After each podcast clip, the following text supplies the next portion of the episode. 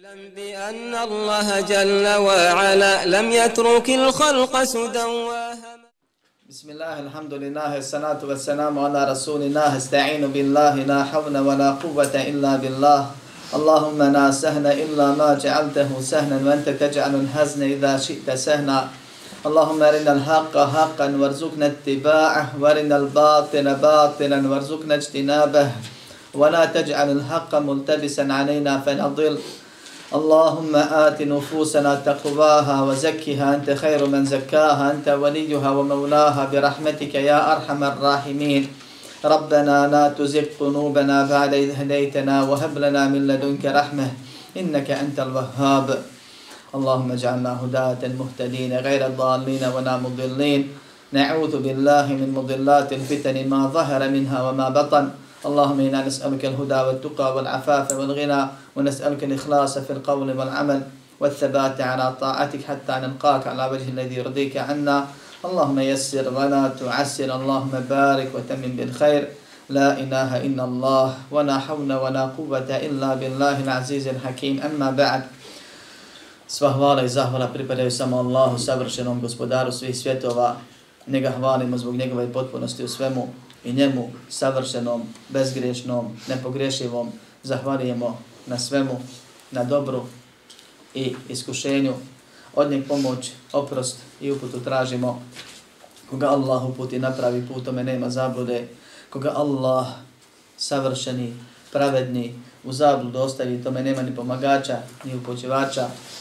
Zato sebi spasa kroz Allahovo zadovoljstvo tražimo time što sve dok živimo srcem, jezikom i svim dobrim dijelima svjedočimo da nema drugog Boga sem Allaha, jedini je nema sudruga i da je Muhammed sallallahu alaihi ve sallame Allahov rob najbolji, njegov poslanik posljednji. A zatim nastavljamo sa komentarisanjem prvog od tri uvoda u ovu Mubarek poslanicu. Nastavljamo sa govorom o životnom programu jednog muslimana, ili o u na, najuzvišenijoj borbi kao što je Ibn Qayyim rahimahullah nazvao u dijelu Zadul Ma'ad. šef Muhammed kada je spomenuo ove stvari, on je bukvalno prenio ono što je već prije njega davno, stoljećima ranije spomenuo Ibn Qayyim u dijelu Zadul Ma'ad, samo malo se lakše i jednostavnije izrazio ovdje šeheh rahimahullah. Pa kaže, znaj Allah ti se smilovao da je obaveza nama da shvatimo, da znamo, da naučimo četiri pitanja, četiri stvari. Prva je znanje, a to je spoznaje Allaha, spoznaje poslanika, spoznaje vjeru Islama sa dokazima. Drugo je rad po njemu, treće je pozivanje u to i četvrto je strpljivost na iskušenjama, iskušenjima ili azijetima, uznemiravanjama, poteškoćama koja na tom putu nalaze, a dokaz za to je sura Al-Asr, a zatim je spomenuo govor imama Šafije i govor ili dijelo čin imama Buhari u svom sahihu. I time je završio prvi od tri uvoda. Mi smo govorili prošli puta o znanju kao osnovi svih osnova i cijela ova poslanica je ujedno komentarisanje ove osnove i spomenuo sam da ko nema ispravnog znanja, nema ispravne vjere i ko nema nužnog elementarnog znanja, taj uopšte nema vjere jer se znanje dijeli na nužno, obavezno i ono koje je dodatno, dobrovoljno. Na kraju ćemo, ako Bog da, još jednom rezimirati tu stvar, da bude jasnije. Napominjem vas da kad već prenosite, pišete, biležite, postirate po Facebooku, molim vas još jednom da to bude doslovno ili u ispravnom značenju. Riječ puno znači i pravi problem vama, onima koji su nauki, i meni na kraju krajeva, ako je izostavite u onome što ja kažem od ovakvo nekih skraćenih pojašnjenja onoga što sam već ranije govorio detaljno. Ne prati svako predavanja i zaista vađene stvari iz konteksta skroz, skroz skreće značenje na nešto što nije ispravno, čega se ja i svaki vjernik odrećemo na kraju krajeva. Pa ko želi da dijeli sevape, da zarađuje da ga Allah nagradi, ja ni jednu svoju izreku i ni jednu svoju sliku nisam i ne planiram nekad montirati, pravi to što ljudi prave, ne smeta, korisno je da se to radi, ali je manet je obavezan. Ja sam vam prošli puta pričao o naslovu knjige, iako vas se to ne tiče, da vidite koliko je bitno i koliko je precizno, koliko se mora biti precizno i koliko je bitan emanet u prenošenju vjere, ovaj, a kamoli neke stvari koje direktno utječu na propise, uvjete ili značenje nekih bitnih stvari koje Allah objavio. O tom potom, znanje je obaveza i prva obaveza i vraćam se ako bude na kraju tome jer će ih završio ponovno s tim. Rad po njemu je cilj naše vjere. Allah kaže da se stvori da ga obožavamo. Nije nas stvorio da znamo da se treba obožavati. Nego da ga obožavamo, da činimo obožavanje, to jest ibadet, da svaki njemu smjeravamo. Da bismo činili ibadet moramo znati. Moramo znati da samo Allahu treba činiti, pa se odreći prije svega činjenja i onih koji čine ga nekome drugom sem Allahu. Moramo znati šta je ibadet, moramo znati kad se čini, koje su vrste, kakav, pod kojim uvjetima i tako dalje. Dakle, bez znanja nema ništa, ali znanje samo po sebi nije uopšte cilj, nego je sredstvo za ispravno robovanje. Pa je dijelo ono što je najbitnije i spomenuo sam izreku da učenjak nije učenjak dok ne primjenija kamoli ostali mi koji prenosimo znanja ili trudimo se da nešto od njega uzmemo.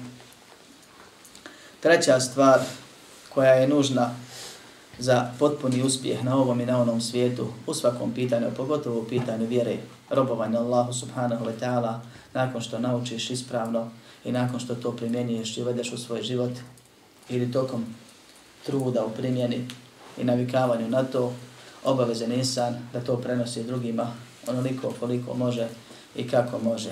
A to je znači da'vatu ilaihi ili pozivanje u to, u znanje i rad da'va, pozivanje Allahu subhanahu wa ta'ala, po definiciji je pozivanje u islam ili jedan njegov dio.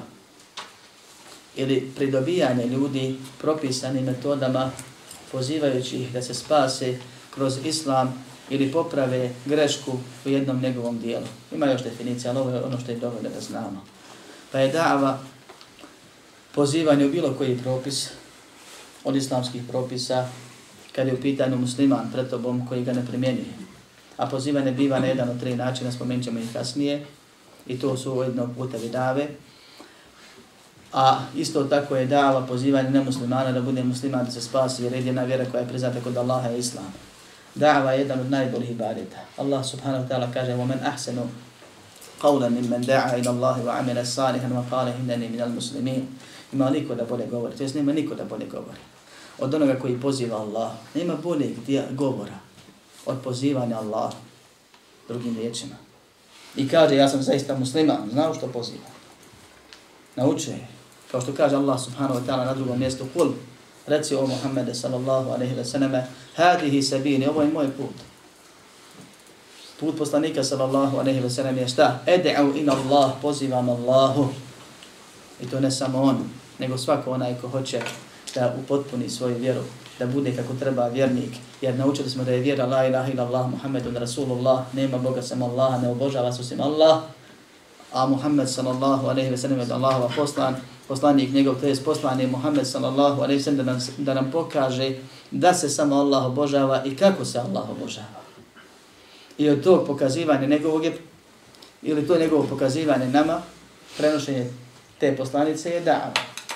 Pa je samo vjerovanje i prihvatanje islama, ujedno prihvatanje vjerovanja ili znanja s kojim je došao, s kojim je Allah poslao poslanika sallallahu alaihi ve i rada po tom znanju, jer nije ga poslao samo da znamo, to smo već usvojili, i rada onako kako je radio Muhammed a.s.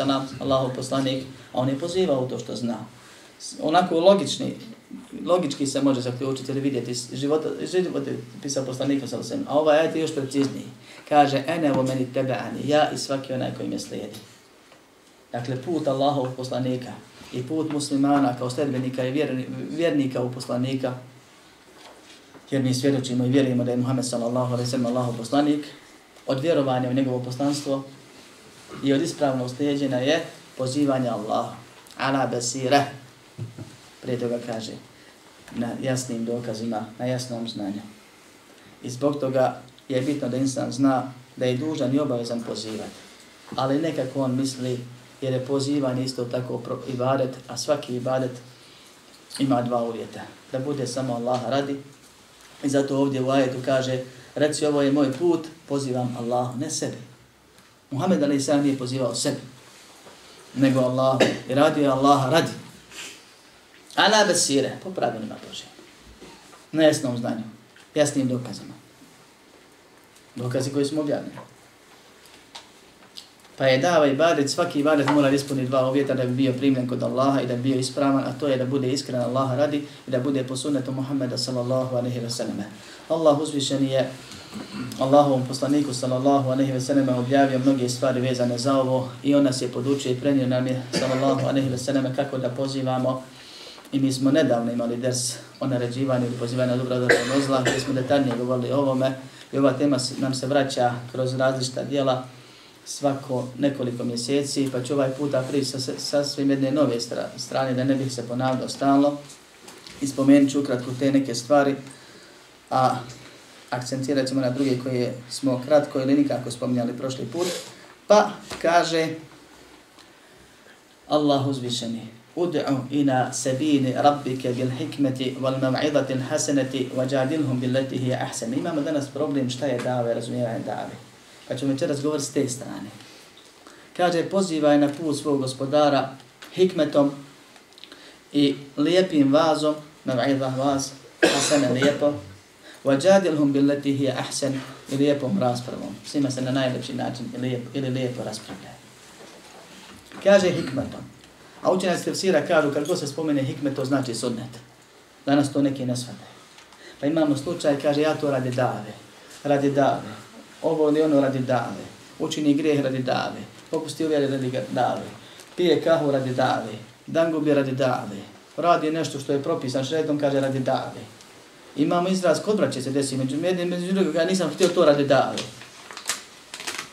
Prvo taj termin radi dave uputan sam po sebi, to nema veze s davom, a drugo, nije Allah propisao da ti budeš svijeća koja se istopi, da bi nekome drugom posvjetlio, pa nije dozvoljeno i nije propisano izmišljati metode i davati popuste, o tome smo već više puta govorili na Allahu vjeru, pa nešto nekome radi dave popuštat ili sam činiti grijehe i griješiti da bi nekome ugodio, da bi te neko prihvatio, to više nije dava. Jer ljudi su te prvi put odbacili zato što su se razlikovali od njih radeći ispravno, a oni na neispravno. Onog momenta kad te prihvate zato što si odbacio ovu stvar, nisi ti njih pozvao nego su tebe. I nisi ti njih pobjednik oni tebe. Pojenta je da te prihvate ljudi onakav kakav trebaš da budeš. A ne da te prihvate onakvi, onakav kad postaneš isti koji on. To nije dao. Ti si izgubio u tom segmentu. I vjeruj da u tom segmentu, ono što se ostavi od vjeri. A nisi postigao dao. Pa Allah uzvišeni kaže hikmetom. Hikmet je sunnet. I poslanik sallallahu alaihi wa sallam je bio najmudri insan i ne ima mudrosti iznad njegove mudrosti. A on nije popuštao vjeru. I Allah subhanahu wa ta'ala mu prijeti, kaže, kaže na jednom mjestu da kad kitte terkenu i nehim še'en qalila, umalo da im malo, malo se nakloniš, malo popustiš. Idan le edeknake di'afel l-hajati wa di'afel memat, onda bismo te kaznili duplom kaznom na dunjalu i duplom kaznom na ahiretu. Zato što je poslanik, on je najpreći da ustraje. Pa duplu kaznu da. Ako bi Allah kaznio poslanika zato što popusti u vjeri, mislite da će meni i tebi oprostiti i progledati. Tako najmjerno popustimo u vjeri da bi ugodili nekome drugome. Čovjek mora da se boji i da ima ovu stvar pred sobom. I da nastoji da primjeni ono što, čima ga je Allah počastio da zna što drugi ne znaju i da drugima dostavi na najljepši mogući način. Jer poslanik sallallahu alejhi ve je to radio hikmetom, sunnetom, a sunnet je da se poziva po tri uvjeta. To su znanje, blagost i strpljivost. I to je koliko se nađe ovog troje, našao se kod njeg hikmet. Da znaš u što trebaš da pozoveš ili u što trebaš da upozoriš, koga? Nisu svi propisi isti, za muškarce i za žene, za ove ili one, za nevjernike ili vjernike, u Ramazanu i van njega i tako dalje. Da znaš kome se obraćaš, i kako da mu priču šerijatski prilagodiš, ne po svom onom, da e, nešto popuštaš, da pritome budeš blag, a najbolje ćeš znati da li si blag ili nisi, da mu govoriš onako kako bi volio tebe, tebi da se govori. Stavi se u njegovu poziciju i inša Allah neće buditi što. I da osaboriš prilikom svega toga, treba se pokrenuti, nije jednostavno pa nekome ukliziti u život pa mu reći stani malo griješiš ovdje ili treba bi to raditi što ne radiš i treba osaboriti na onome što te može zadesiti, jer ti se obraćaš različitim ljudima. Nije svako istog temperamenta, nije svako istog raspoloženja u momentu, ne znaš ti šta njega muči, možda si naletio kad ne, ne bi trebao i tako dalje. I u većini slučajeva onaj kod drugog savjetuje, na neki način fasuje. Sad pitanje koliko i kako, ali doživi neku neugodnost, pa mora da osabori i kad uči i kad primijeti nešto što je neispravno ili kad hoće da motiviše i kad nastupi, kad ga prekida u njegovim nekakvim aktivnostima da mu se obrati i kad govori, kad ga ubjeđuje, kad mu se obraća i na onome što slijedi nakon toga. Rijetko će biti, desi se da ti neko kaže Allah te nagradio. I to je prva stvar, to je hikmet. Ako naredeš na muslimana koji hoće istinu, a ne zna, i ti mu kažeš nemoj jest lijevom rukom, jer šetan je, lijevom rukom, tako je došlo u hadisu. Kaže, nisam znao, mislio sam da je to sve jedno, obje se Božje ruke, ne znam ja što ti kaže, da te Allah nagradio. Prišao si mu blago, prišao si mu nasamo, priš, rekao si mu lijepo, rekao si mu istinu sa znanjem. Spreman si bio da osaburiš, a on ti rekao, Allah te nagradio. Ti kažeš amin i tebe i ode svojim putem, to je hikmet. To je jedna minimalna vrsta muslimana, rijetko ćemo naći na takva, ali ima ih. I dešava se da čovjek dođe da upiše islamski fakultet, kao što mi govore profesor, a zlatni prsten na ruci. Znači on je primljen i došao u Medinu sa prstenom i radi prijemni tamo, ili na umru gdje već, i kaže profesor, ja ga upozoravam, znaš li, kaže, ne znam, nisam znam, čovjek skida predavno. Dešava se, pojenta je da, da može insan da bude uvjeren da ne zna, da formatne neki propis, i kad takvom kažeš istinu sa dokazom, na lijep način, blag, fino saburli, spreman da osaboriš na onom što slijedi, on će ti reći da Allah nagradi, nećeš na problema. Ima drugi koji će reći, znam, ali. I pokvari sve s ovim ali. On zna, sve je to u redu, ali nešto ima nekakav razlog. Njega treba motivisati. Tu nastupa lijep vas. Tu više nije znači podučiti ga, jer on zna. Nego ga treba motivisati na jedan od dva načina. Posticanjem ili zastrašivanjem ili oboje. Spominjat ću mu šta je Allah obećao za one koji to primjenjuju, kad je pitao neki bar koji go ne radi, ili šta Allah, čime Allah prijeti od dunjaloških i ahiretskih kazni za one koji čine taj grijeh koji vam čini, na opet na, pod ona tri uvjeta. Či govoriš mu istinu, govoriš mu ono što znaš, od dokaza na, po tom pitanju, blago, strpljivo, i ne ga motivićeš. To znači lijepim savjetom. I treća stvar, i treća vrsta su ljudi, oni koji znaju i neće, nego misle, ne, koji misle da znaju, a ne znaju. Ili koji ne znaju da ne znaju. Koji su nas kroz trupu ovo mišljenju. Kažu, dobro, to tako je kod vas vehabija, ali mi imamo svoje, mi znamo, ja ovo, ja ono, zar nije Allah milostiv, zar neće Allah sve grije, prosto mogu raditi šta hoću, ne znam nija šta već drugo, ti spomene, imao nekakve argumente. To je treća kategorija ljudi najteža. S njima se na, lijep, način, na lijep način raspravlja iznosiš ti svojom svoje argumente blago strpljivo. Istino.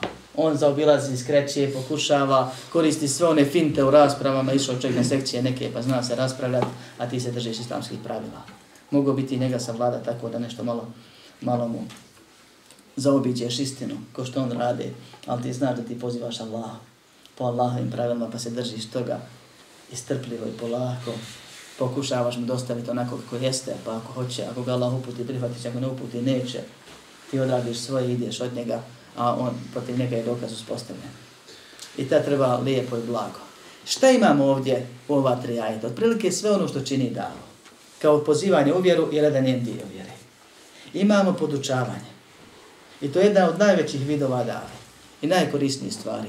Pogotovo ako se radi o korisnijoj prije o pozivanju i podučavanju onim što je najkorisnije od vjere. Pa kažu islamski učenjaci, ne može ti niko bolje valjati od onoga ko te uči vjeri. I ne možete bolje niko valjati u vjeri od onoga ko te uči tevhidu, ispravnom vjerovanju, a zatim ispravnom djelovanju, a zatim ispravnom ponašanju i ostalim detaljima vjere. Jer ko prvo položi proći će. I ko ima ispravno vjerovanje, imaće ispravno djelovanje. I to odvoje će ga nužno tjerati na ispravno ponašanje. Jer je ponašanje dio vjerovanja i dio djelovanja ono u srcu je dijelo vjerovanja, a ono što pokažeš je dijelo djelovanja. Moraš pokazati onako kako je propisano. Tako da najpreće i najkorisnije stvari su to podučavanje vjere. Direktno znači podučavanje pojedinaca ili skupina. Jedan po jedan ili više ljudi. Da se čovjeku obraćaš i govoriš mu ne, pazi, pokvarit ćeš, pazi, pašćeš, pazi, razbolit ćeš, nije to zdravo, razbolit ćeš se i tako dalje, nego mu govoriš pazi, u džehennem ćeš propasti. Uradi ovo, u džennet ćeš ući. Ne možeš mu valjati, ne možeš mu pomoći na bolji način od toga. Zatim sljedeća stvar je da motivišeš i vaziš onima koji znaju, a iz nekakve ljenosti ili pod nekim šeitanskim utjecajem ne primjenjuju. To je ona druga faza. I to je dava. Da motivišeš ljude koji ne, ne radi. Ili da ih unaprijed preventivno djeluješ tako što ćeš im povećavati iman svjesno da ih Allah gleda kako ne bi zapadao nešto. To sve spada u vas. I treći vid dave je rasprava sa novotarima i nevjernicima, nemuslimanima. To isto je dio dave. I davan izlazi iz ovih tri stvari, prilike. Sve to spada u pozivanje. Bilo u vjeru, ili uspravno vjerovanje, ispravno djelovanje, ispravno ponašanje, to je rasprava, ili u primjenu toga, ili podučiti nekog koji je spreman, ali ne Hoće. U, u sve ovo prethodno. I ovo je dava. Van toga sve nije dano. Jesu stvari koje koriste dano I treba je obraćati pažnju na njih. I čovjek je odgovoran za ono što proizvede kod ljudi od slike onama, a bio je u stanju da se kontroliši, namjerno, ne namjerno. I ako proizvede dobro i popravi sliku muslimanu, imaće seva. I ako je pokvalj, imaće grije. Čovjek je, može biti sebe bupute i sebe zablude i zato će imati nagradu ili kaznu. Ali nisi, sebe, nisi kriv ako si uradio po šerijetu i postupio po šerijetu. I nisi kriv ako si uradio nešto što si mora uraditi. Ili nisi svjestan bio. Nego si kriv ako svjesno pokvariš sliku islamu ili muslimanima radeći nešto što te briga nije. Ili tebi tvoje grije. Ili nije haram. Bitno je da nije haram. Iako to bilo nešto što je loše i čudno u našem običaju i tako dalje. Pa time pokvariš kod nekog svijeta sliku islamu i muslimanima. Izbornom islamu i ispravnom vjerovanju i djelovanju. Prema tome, s ono što izlazi iz ovoga troga su pomoćne stvari koje pomažu u dava, nisu sama dava. I mi često griješimo i ljudi ostave suštinu zbog nečega što je alatka, sredstvo, metoda. Pa se bave metodama i kreiraju svoj menheđ na osnovu metoda i mijenja sebe i mijenja druge i radi suprotno onome s čime Allah zadovoljan indirektno provocira Allaha radići grijehe zato što je ono okupiran nekakvom metodom i nekakvim dijelom šarijeta nečim što je sporedno u šarijetu. Ne ono je slijepo, ne ono je odvijeno. Ali pomaže tek onima koji su na put, na pravcu, koji su, imaju temelj, koji imaju zidove, pa na to mogu fasadirati. A ne može uzeti fasade, istres na njevu i govoriti imaš kuću. A ne imaš i našta da staviš. I to je velika greška koja se danas javila kod onih koji pretjeruju ili popuštaju vjeri, pogotovo kod onih koji danas pretjeruju u popuštanju vezano je za ovu stvar nerazumijevanje prioriteta, a puna su im usta razumijevanja prioriteta. Prioritet je ispravno vjerovanje, a zatim ispravno djelovanje, robovanje Allahu subhanahu wa ta'ala, kroz to iz toga proizilazi ispravno ponašanje, a sve ostalo su pomoćna sredstva koja imaju funkciju da pomognu ovom cilju. A cilj je ovo troje i to po ovom redostoju koji sam spomenuo. Kaže, nakon dave, od dave ćemo ovdje se zaustaviti, jer onaj ko poziva, kao što kada postane se sem, dava isto tako jedno od sredstava gdje čovjek najlakše može otvoriti sebi put ka džennetu, zato što je najbolja trajna sadaka. Pored toga što je najbolje dijelo i najbolja sadaka i najbolja pomoć dok si živ, kad neko tvojim sebebom nešto nauči, nešto primijeni, nešto počne raditi onoga što, od onoga što je znao, nije prije radio, nešto ispravi kad si ga ubijedio najljepšim mogućim metodama raspravljanja, zato što smo želi ono što sebi želiš, i počne to primjenjivati i ti preseliš i odješ svom gospodaru, a on i dalje to radi ili ne nekoga drugog prenese, tebi to sve stiže u kabur.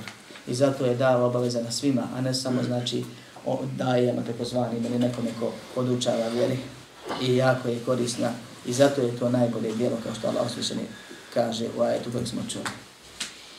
Međutim, sve ovo kad se izgradi kod muslimana pada u vodu ako se na tome ne ustraje. I zato je četvrta stvar koja je nužna i koja je obavezna i bez koje ništa vrijedno nije ili ništa nisi postigao ako je, je sabr anal eda fih. Ovdje je šeh precizirao samo znači ovaj detalj iako se odnosi na sve prethodno strpljivost na iskušenjima na tom putu. S obzirom da se radi o najvrednijim dijelima, tu su i najveća iskušenja, razno razna, koja čovjek očekuje i koja čovjeku na, pa- na, na pamet ne padaju nikako, na um ne padaju. I isplati se saboriti. I vrijedi saboriti. I za najbolje stvari je najbolja nagrada, samim tim najveća iskušenja. I nemoj misliti da ćeš nekoga pozivati, pozvati, a da nećeš iskušan biti. I nemoj misliti da će te Allah iskušati nečim što ne možeš podnijeti. Tvoj milostivi gospodar te kušni, iskušava zato što te voli. Jer Allah kad nego zavoli stavi ga na kušću. Iskušava te iskušenjem koje ti želi da položiš, a ne tjerate na to. I daje ti ga kojeg možeš položiti. Da bi ti dao nagradu veću i da bi te učvrstio i osnažio i boljim učinio i grehe ti oprostio. I zato vrijedi saboriti i vrijedi od Allaha i mora se nužno od Allaha pomoć da tome tražiti. Ali čovjek kad krene ne smije da prestane i odustane ili da ustukne da nekom nešto ne kaže zato što se boji balaje, iskušenja koje će na tom putu naići.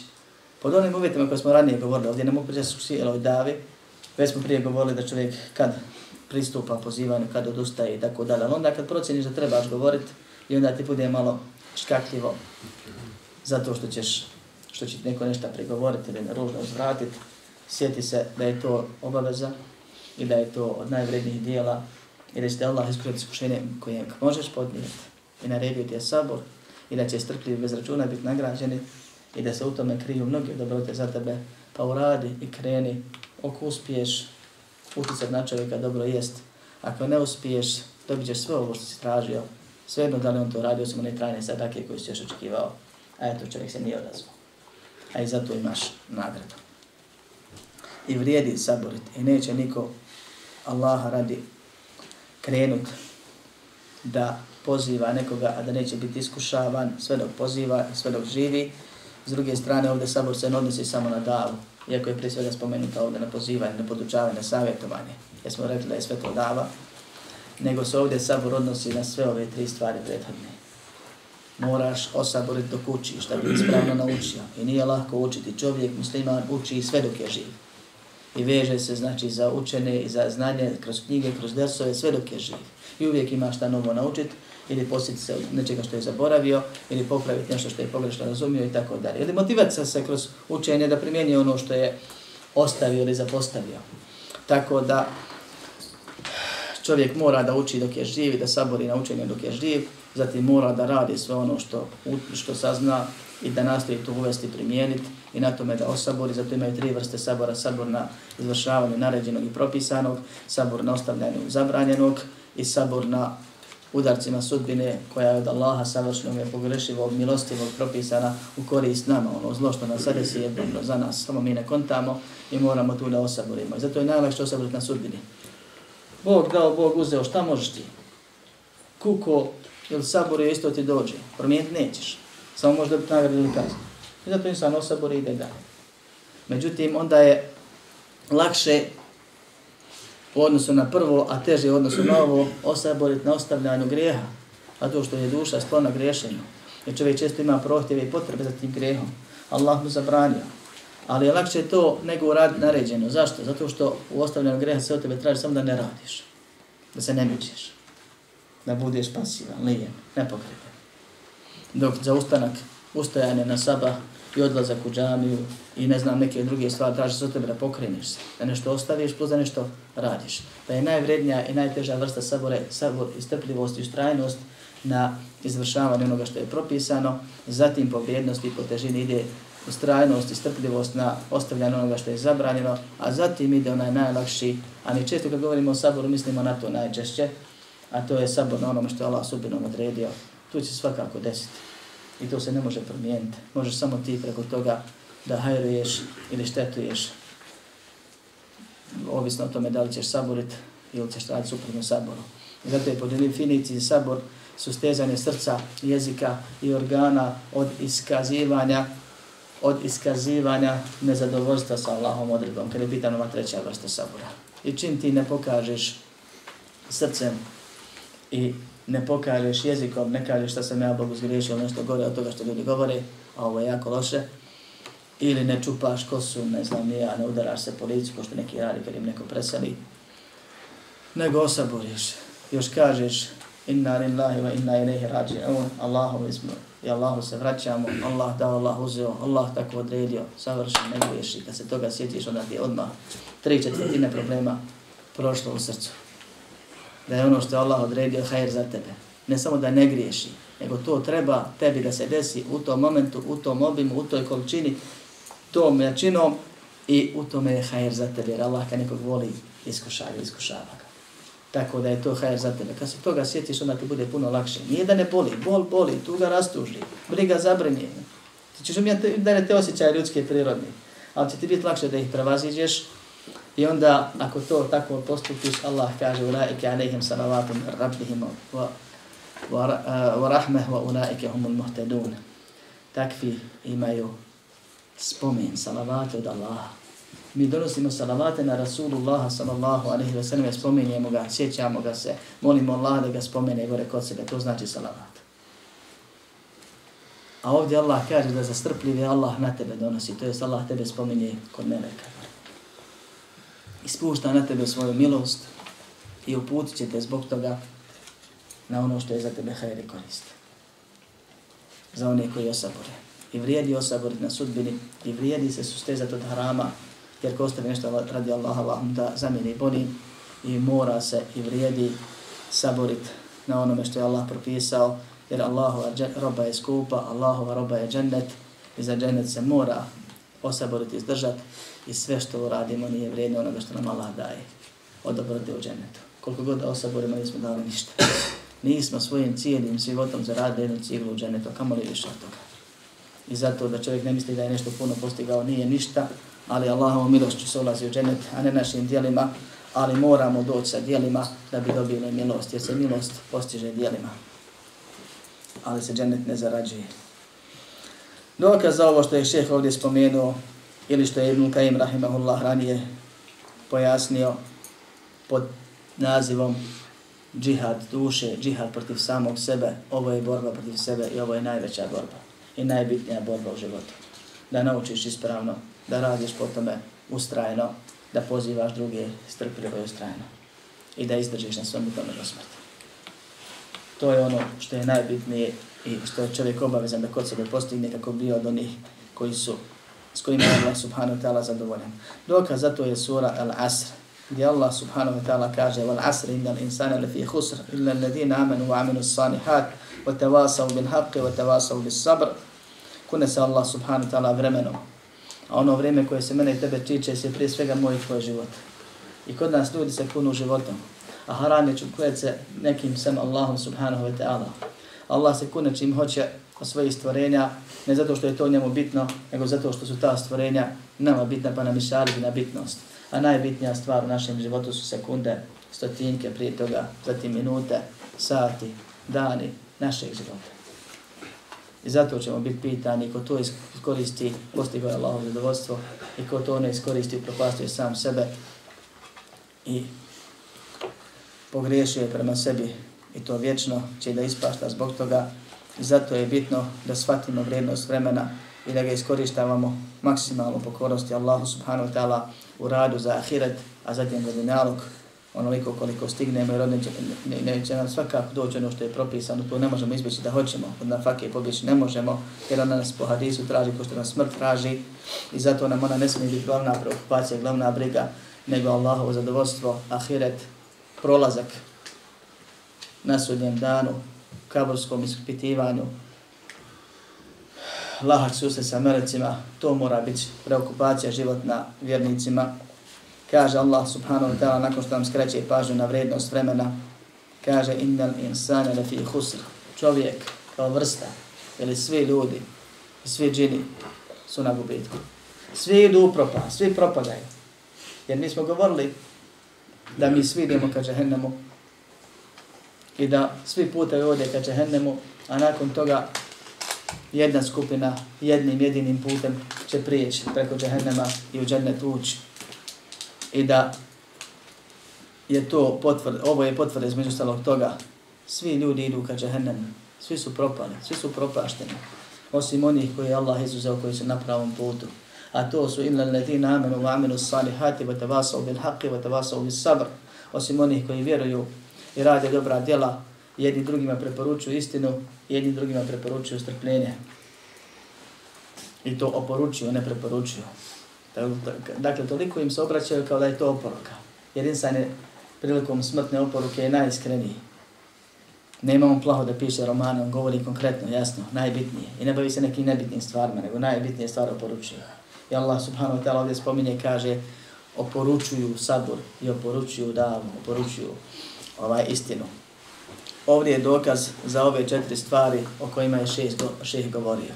Kaže Allah uzvišen osim onih koji vjeruju i rade dobra djela, to jest djeluju i istinu preporučuju, to jest istinu pozivaju i na tome su strpljivi. Jel ovo baš odgovara onome što je šeh spomenuo ili ima nekih tu nejasnoća?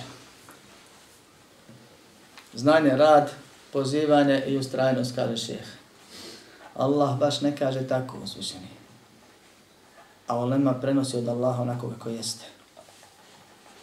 Allah kaže vjerovanje, pa rad, pa pozivanje, pa strpljivost. Kako ćeš vjerovati ako ne znaš? To je odgovor na ovu stvar. Vjerovanje po definiciji ahli sunneta je objeđenje riječi dijela. I učenjaci kažu da je Allah sure Asr spomenuo sve, a zatim napomenuo dvije, tri bitne stvari. Pa kad kaže vjerovanje, zatim djelovanje. Djelovanje je dio vjerovanja. Pozivanje je dio vjerovanja, to smo zaključili malo prije sa dokazima. Strpljivost je dio vjerovanja, nam je propisano. I Allah radi saburim. A znanje sadrži se o vjerovanju. Jer ne možeš biti ubijeđen i ne možeš vjerovati u nešto što ne znaš. I ne možeš djelovati ako ne znaš. I ne možeš pozivati ako ne znaš u što, koga i kako. I ne možeš osaboriti ako ne znaš kad, kako, na čemu, koliko dugo. I za sve ovo je potrebno znanje, a pogotovo za riječ vjerovanje, osnova vjerovanja je znanje. I što ti je veće i ispravnije znanje, to ti je jače objeđenje, a sad tim to te tjera na bolja dijela i ustrajnost i veću hrabrost i strpljivost pri pozivanju drugih i motivisanost da im koristiš ne tražeći od njih ni hvalu ni naknadu, kao što je bio običaj svih Allahovih poslanika i njihovih iskrenih ispravnih sledbenika kroz historiju islama bit će do sunnjeg dana. Mm, prema tome, ovdje nije došlo znači do prepravljanja, nego je srž izvučena i napomenuta nam najbitnija stvar, a to je znanje, jer bez pravog znanja nema objeđenja. Zato je šeh posle spomenuo dvije izreke koje su nam jako koriste. Allah u suri Al-Asr kaže ono što mi govorimo već dva dersa. Da nisi na putu ka džennetu osim ako ispravno vjeruješ i potom ne djeluješ. Jer vjerovanje bez djelovanja je dokaz protiv tebe. I drugi u to pozivaš da svemu tome saboriš, ustraješ do smrti. Ako odustaneš, sam se krivi. Prosozi sve što skupio. I zato kaže, svi su na gubitku osim onih koji imaju ove osobine. Oni su na dobitku, oni idu ka džennetu. Oni će prijeći preko sirata. Oni će završiti u džennetu vječno. Ostali će zaglaviti u džehennemu privremeno ili vječno, shodno toga koliko fali ovoga kod vjernika ili ne, ili svakako nema ovoga. Zbog ove stvari, jer ovo je temelj vjere i osnova i program cijele vjere. Ništa od onoga što smo nekad čuli, što sad slušamo i što ćemo do kraja života čuti od vjere, ne izlazi iz ovih stvari. Sve je dijelo vjerovanja ili način pozivanja ili djelovanja i, i strpljivosti E, s obzirom na strpljivost ima tri vrste koje sam spomenuo. Zato kaže imam Šafija, rahimahullah, لو ما أنزل الله سورة حجة على خلقه إلا هذه السورة لكفته. Kaže da Allah nije objavio dokaz protiv stvorenja, osim ovu suru, bilo bi im dovoljno. Šta znači dokaz protiv stvorenja? Allah je spustio Kur'an kao dokaz protiv stvorenja. Kaže Allahu poslanik sallallahu alaihi wa sallam u hadisu vjerodostojnog kod muslima u sahihu wal Kur'anu hujjatun neka wa alaik. Kur'an je dokaz za tebe ili protiv tebe. Kur'an trenutno mushaf ovaj koji mi imamo, a može se štampati drugačije. Zato kažem trenutno, ne mislim da ima mijenje Kur'an nego štampa. Može biti više ajeta i tako dalje. Ovaj standardni format ima 604 stranice. Allah subhanahu wa ta'ala objavio dokaz protiv stvorenja u 604 stranice. U njemu imamo Fatihu, Bekaru, Ali Imran i ostale sure ili sure Nas. 114 sura. Kad imam šafija, da je Kur'an samo sura Asr, bilo bi dovoljno protiv robova.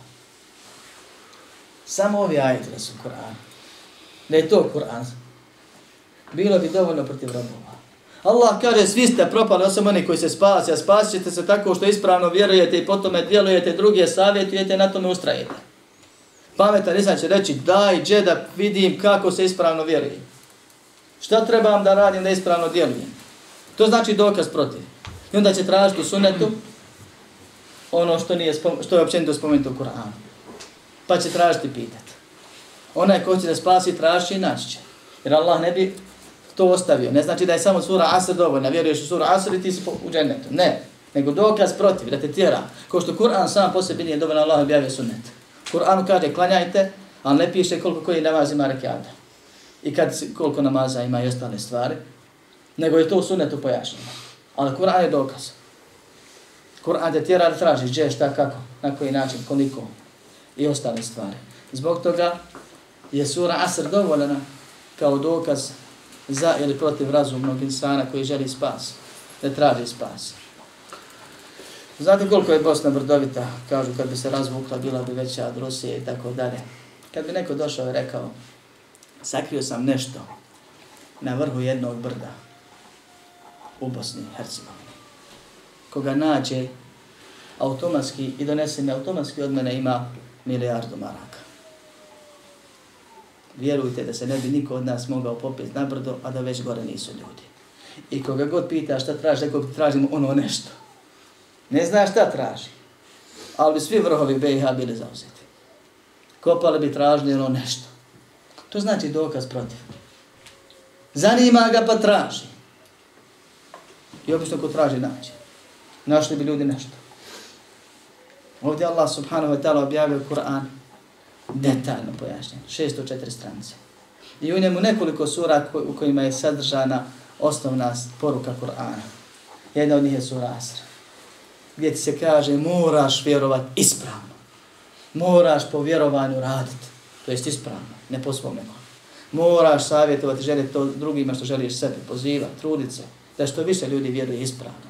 Moraš na tome ustrajati. Na tebi da tražiš šta je ispravno djelovanje. I šta je ispravno djelovanje, kako se ispravno poziva i šta znači saborit, na čemu treba i kako treba i koliko treba ustrajati i osaboriti. Zato kaže šeh dalje i završava ovo sa dijelom imama Buharije, rahimahullah, ili činom njegovim u svom dijelu, pripisane dijela Sahih al-Bukhari. Imam Bukhari je napisao svoj Sahih, poznatu knjigu, najvjerodostojnu knjigu nakon Korana, gdje je spominjao hadise vjerodostojnog poslanika, sallallahu alaihi sallam. Ali ih je tako poredao po određenim temama koje je u naslovima spomenuo. Pa je njegov fik u njegovim naslovima. I zato ako hoćeš da znaš na što se hadis odnosi koji je dole spomenuto, počitaj pod kojim je naslovom, pod kojim poglavljom. Gore spomene Imam Buhari, rahimahullah, poglavlje o sunatima prije i posle džume. I dole u poglavlju čitavom vidimo samo hadise da je poslanik sallallahu alejhi ve sellem sklanjao sunete posle džume. Time Imam Buhari poslao poruku da nema suneta prije džume, da ima on bi ga spomenuo. To je ne, znači, kad u nama piše knjigu, ona je tumači, oni je tumače i njihovi učenici prenose tu stvar. Pa da bi znao, znači, razumio šta hoće, moraš uzeti razumijevanje, ne samo doslovno. Jer se desi da ljudi kažu, ovo je dokaz da imaju suneti prije džume, jer Buhari je bio muhadis i on je to probro od 100.000 hadisa koje je znao, sabro ovdje i time nam je šaretio da imaju negdje hadisi, nije imao kada stavi da ne bila knjiga velika i tako dalje. Ko ne razumije dijelo? I zato je bitno da se znanje uzima sa izvora onako kako treba, kako je spomenuto. Bilo iz Kur'ana i suneta ili od islamskih učenjaka.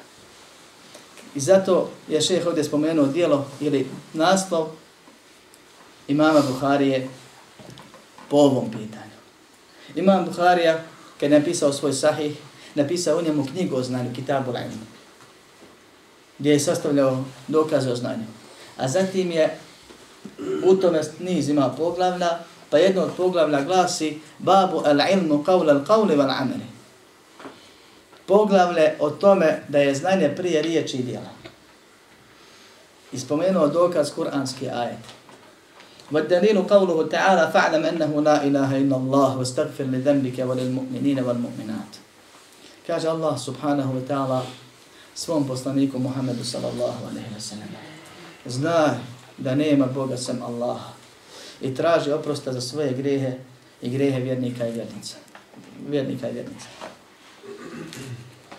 O Allahov poslaniče, ti koji si najbolji vjernik i najviše vjeruješ, najbolje vjeruješ, najispravniji, ti koji si stvoren da bi ljudima prenio post, poruku stvorena, zatim odabran i poslanicom počašćen da bi ljudima prenio poruku da se ne obožava osim Allah i pokazao kako to se radi.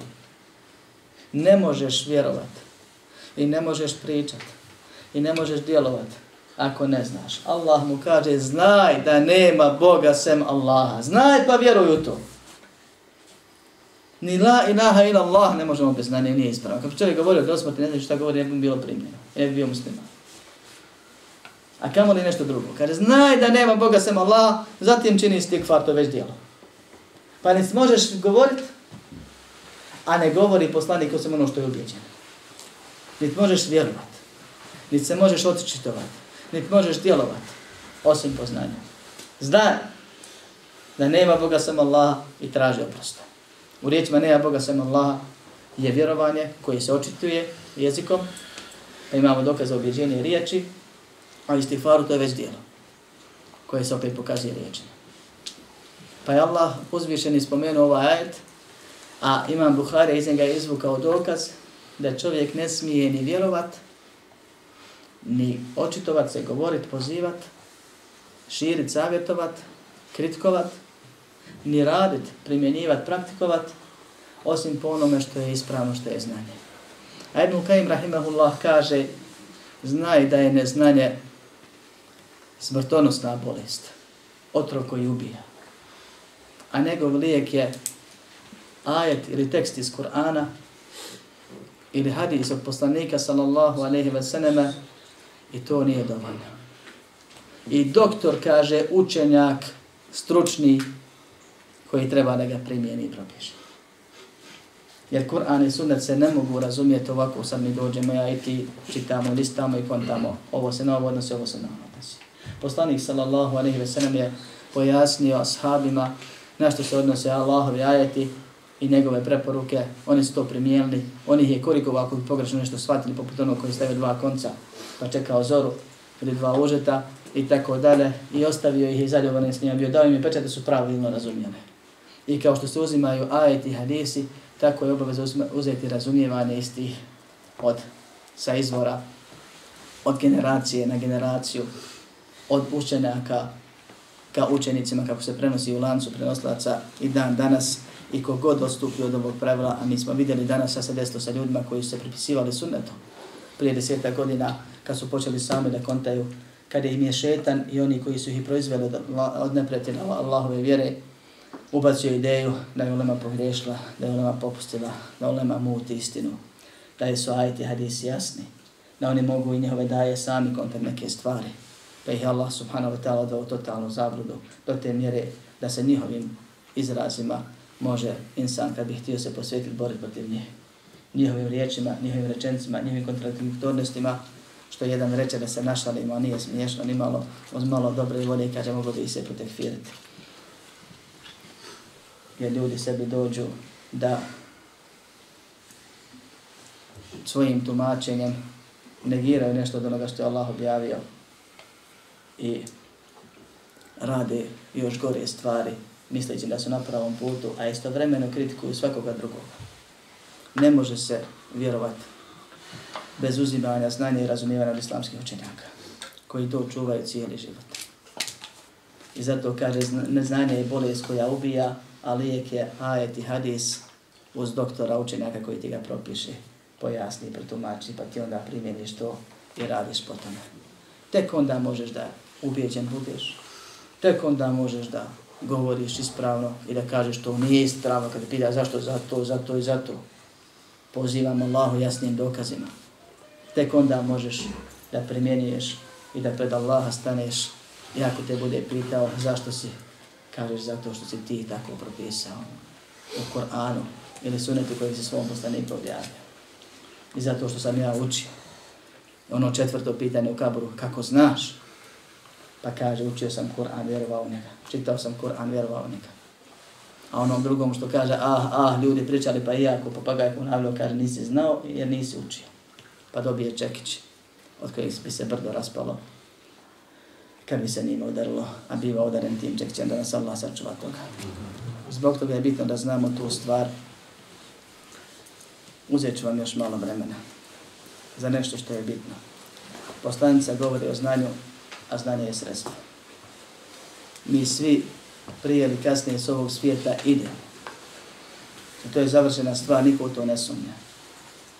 Mi svi moramo imati na umu u svom životu nekoliko stvari bitnih. Prva je da ćete svi zaboraviti. Prije ili kasnije. I da nikom nećeš na umu biti. I da ćete svi prežaliti. I da ti njihova ljubav i njihovo spominjanje i njihova privremena kratkotrajna žal za tobom neće koristiti ni štetiti. Od toga nećeš imati ništa. Nećete zanimati uopšte u kabalu šta li oni rade sad, da li plaću za mene, ne. Imaćeš jednu drugu preokupaciju. Ponijećeš sa sobom tvoja djela. Dobra ili loša. I ne samo da ćeš ponijeti sa sobom svoja djela, da ćemo ponijeti sa sobom svoja djela, nego zamisli prvo večer ili prvi dan kad se čuje da si ti ili ja imenom i prezmenom preselio, morat ćemo jednog dana, sigurno će biti taj dan. To nije neko zamišljanje nečega abstrakt, abstraktnog, to je znači isčinjenica koja će biti, samo je pitanje sata, dana. Šta će reći za tebe? Oni ovdje. Po čemu ćete ljudi spominjati sjećati se? Što reći, otišao onaj debeli, otišao onaj mršavi, otišao onaj bogati i siromašni. Neko će to spomenuti. Ali to je sporedno, samo da se zna o kome se radi. I ovdje na ovom svijetu neće se spominjati osim tvoja djela. Ono što, onaj trag koji si ostavio. Nećeš ponijeti na onaj svijet osim ono što si radio i uradio Nećeš ovdje biti poznat, pamće neko vrijeme, neko malo duže, neko malo kasnije. Osim onome što si i to dobro uradio.